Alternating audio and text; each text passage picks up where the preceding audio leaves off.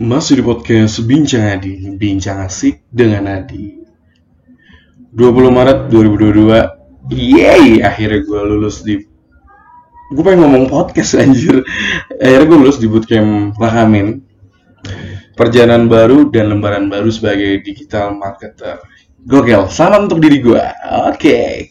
Sebelumnya maaf banget kemarin hari Jumat gue nggak upload Karena lagi hectic banget. Set dah, ngeri si paling hectic Ya pokoknya ada kesibukan yang lain.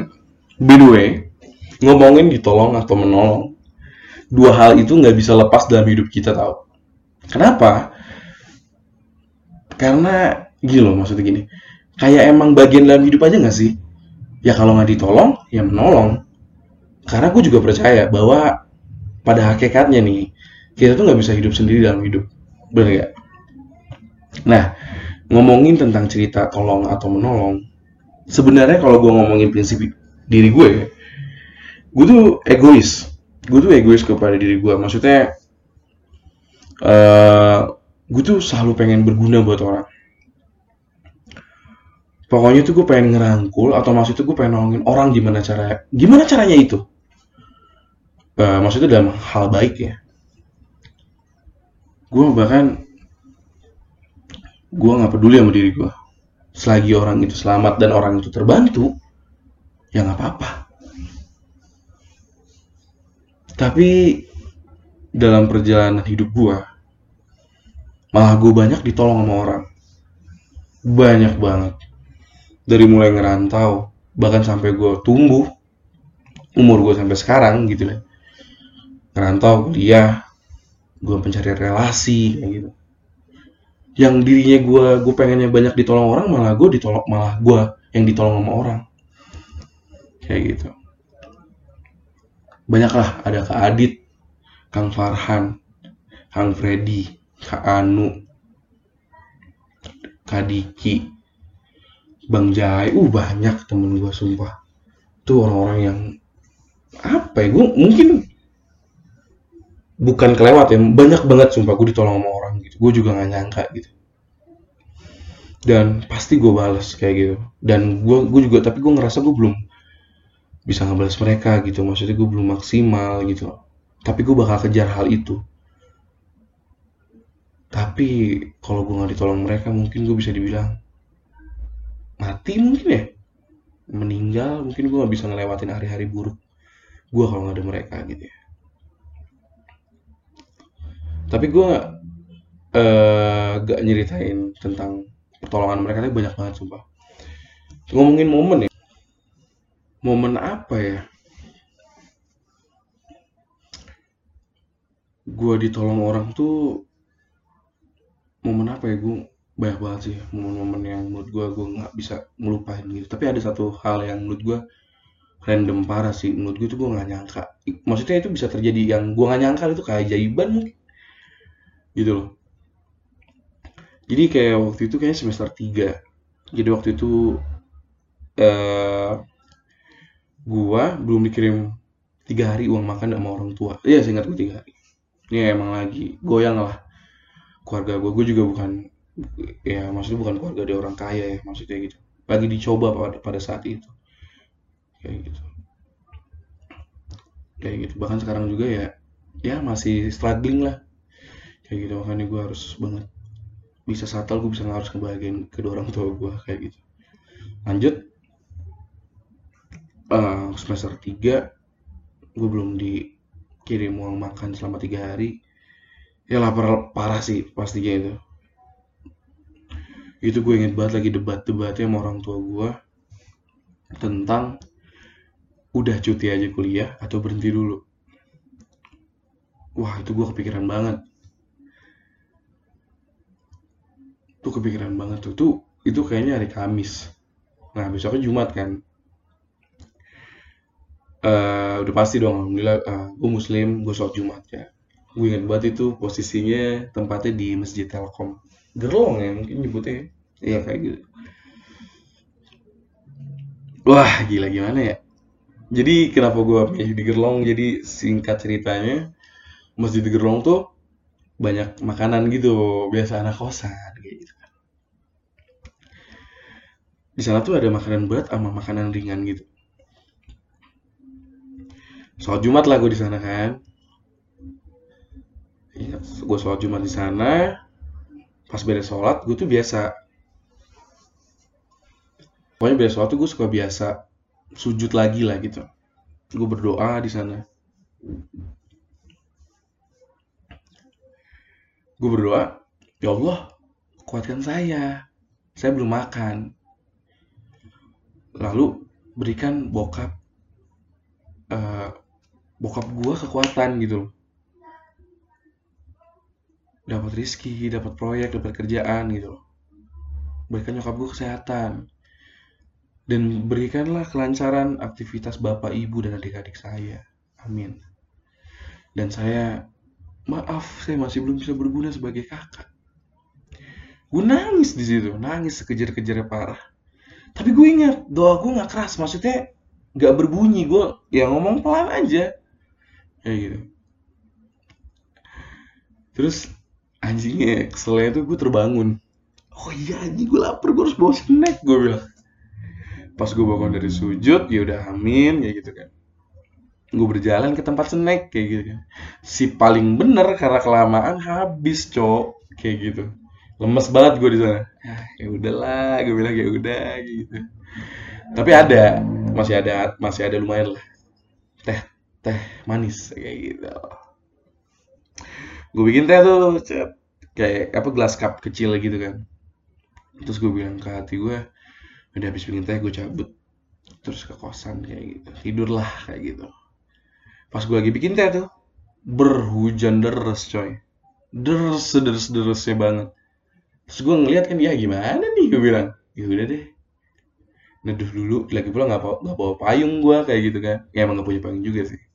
Akhirnya gue nyari tempat duduk kayak gitu. Saat gue nyari tempat duduk ya emang lumayan lama karena emang masih rame. Dan masjidnya emang emang rame banget banyak yang sholat di sana gitu loh. Gue nyari beberapa menit akhirnya dapet tuh tempat yang kosong kayak gitu. Tapi pas gue mau ke sana langkah gue terhenti. Ada yang manggil gue ah pikir gue siapa gitu loh gue cari sambil muter kepala. Akhirnya ketemu dekat rak penitipan sepatu gitu. Dia manggil gue dengan tangan kode gitu kayak sini kayak gitu. Gue bilang ya maksud gue juga agak kenceng-kenceng juga karena gak kedengeran pasti hujan juga. Saya pak sambil gue nunjuk diri gue gitu. Iya kata di sini. Gue hampirin kayak gitu kan. Terus dia ngomong gak keras dia berbisik gitu. Gue deketin ke telinganya. Uh, ah saya marbot di sini kata dia gitu. Ini ada uang. Lo gue bilang apa gitu? Enggak pak. Gue bilang dari siapa juga? Gitu. Enggak enggak saya nggak nerima. Gitu. bapak marbot cuma bilang jangan ditolak ini rezeki. Eh gue jawab lagi tapi pak enggak ah. Kayak gitu. Kata dia. Dia memaksa gitu udah terima ini rezeki dosa lo kalau ditolak kayak gitu. Emang dipaksa terus ke tangan gue tapi gue masih nolak gitu kan. Terus gue jawab ini dari siapa? Ini dari bapak. Beliau jawab Tadi ada orang ngasih ke saya. Gue jawab lagi dong. Karyawan sini pak, atau gimana? Beliau jawab, nggak tahu, saya juga nggak kenal. Akhirnya itu udah tarik-tarikan uang akhirnya di tangan gue. Gue terdiam bengong. Bapaknya pergi, bapak pergi. Gue nangis, gue nangis, gue nangis itu gue nangis gitu. Gue nangis, gue bilang, gue bilang gue gue gue bilang kok ada? Gitu loh. Gue dapat kayak gini kok bisa? Gitu loh. Gue hitung uangnya sekitar 173 ribu banyak banget coy. Dan itu bisa nyambung hidup gue selama seminggu. Gue nangis gue nangis kejar banget di sana.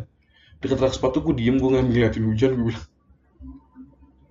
Gue, gue bilang gue pengen gue, gue, gue balik tapi habis itu hujan tuh berhenti kayak seakan-akan kayak ya udah gitu kayak Allah tuh ngasih jalan dulu lu pulang istirahat atau lu nanti sore lu baru makan. Uh, dan gue tuh makan cuma sekali sehari. Sore gue kayak gitu. Gue pulang pikiran gue berkecamuk gitu. Gue dalam hati gue ngomong gue harus cerita ke bokap. Ke bokap nyokap kayak gitu.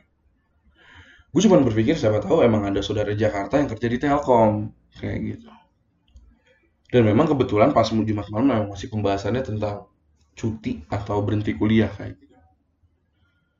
tut gue menel uh, tut lah itu eh, gue menelpon gitu kan pembahasan masih sama tuh kayak gitu kan gue nggak jawab terus gue cuman bilang ini baru baru mulai banget ya, bokap gue nanya kayak gimana nih kayak gitu. kosan juga kayaknya tinggal dua bulan lagi kayak gitu. gue nggak jawab pada saat itu karena gue pengen buat kuliah coy gue cuman jawab dan gue cerita. Gue nanya pertama pak emang ada saudara kerja di telkom? Bokap nanya kenapa kak? Gue ceritain kejadian tadi. Gue ceritain sambil gue nangis dan sebagainya nyokap gue dengerin kayak gitu. Gue inget sebelum ditutup ya gue cuma bilang banyak pak orang yang sayang sama kakak di Bandung gitu loh. Bokap tuh sediem diemnya dia cuma bilang maaf ya kak bapak udah semangat lagi. Udah ditutup teleponnya. Ditutup teleponnya udah. Gue nggak tahu kenapa apa kenapa ditutup. Gue takutnya gue salah ngomong atau apa. Gitu.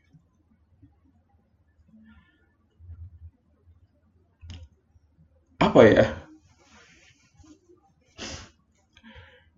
itu membekas banget sih. Gue nggak tahu siapa orangnya tapi siapa pun dulu makasih banyak banget. Gue bilang lu baik banget sama orang yang dikenal gitu.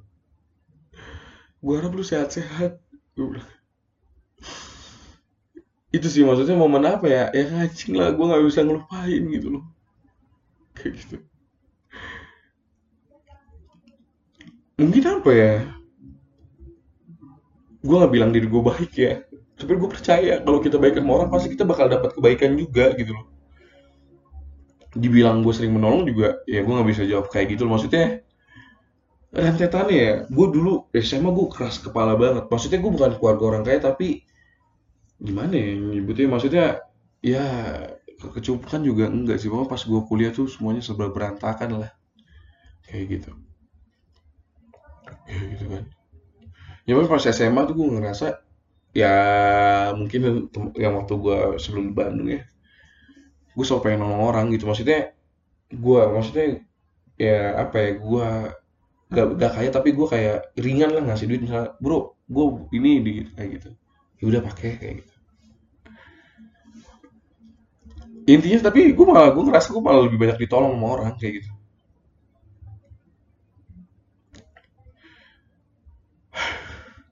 Ayo nangis gue bangsa bangsa. Tapi apa ya buat siapa pun lo yang lagi di Bandung gue punya program goblok sih. Mungkin gue nggak bisa bantu uang karena juga gue pas-pasan juga sih kayak gitu. Um,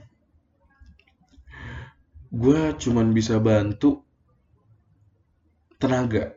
Entah itu lu misalnya bang di misalnya angkat barang. Kayak gitu. Terus dibilang di bidang kalian gue lah. Entah itu mungkin jurusan atau digital marketing yang sekarang lobbying lah. Kayak gitu. Atau buat orang yang bener lagi di kota ini gitu. Uh, motor mogok lu butuh step. Kalau gue ngasih buka atau apa lu DM gue gue sering banget maksudnya emang gue tau ya maksudnya gue so gue punya program ke diri gue kalau ada motor mogok kalau bukan kempes ban ya pasti gue step kayak gitu lu, lu, lu boleh hubungin gue karena program itu ya kayak gitu dan satu hal yang pasti gue belajar sampai umur sekarang bahwa hidup itu terhubung. Kalau menolong pasti ditolong. Kalau nggak ke lu, pasti ke keluarga atau ke orang terdekat. Kayak gitu. Anjir, episode ini parah sih. Nangis gue. Oke, okay, thank you buat semuanya. Sobat Bincang Adi, gue Adi. Pamit. Masih di podcast Bincang Adi, Bincang Asik dengan Adi. Thank you. Bye-bye.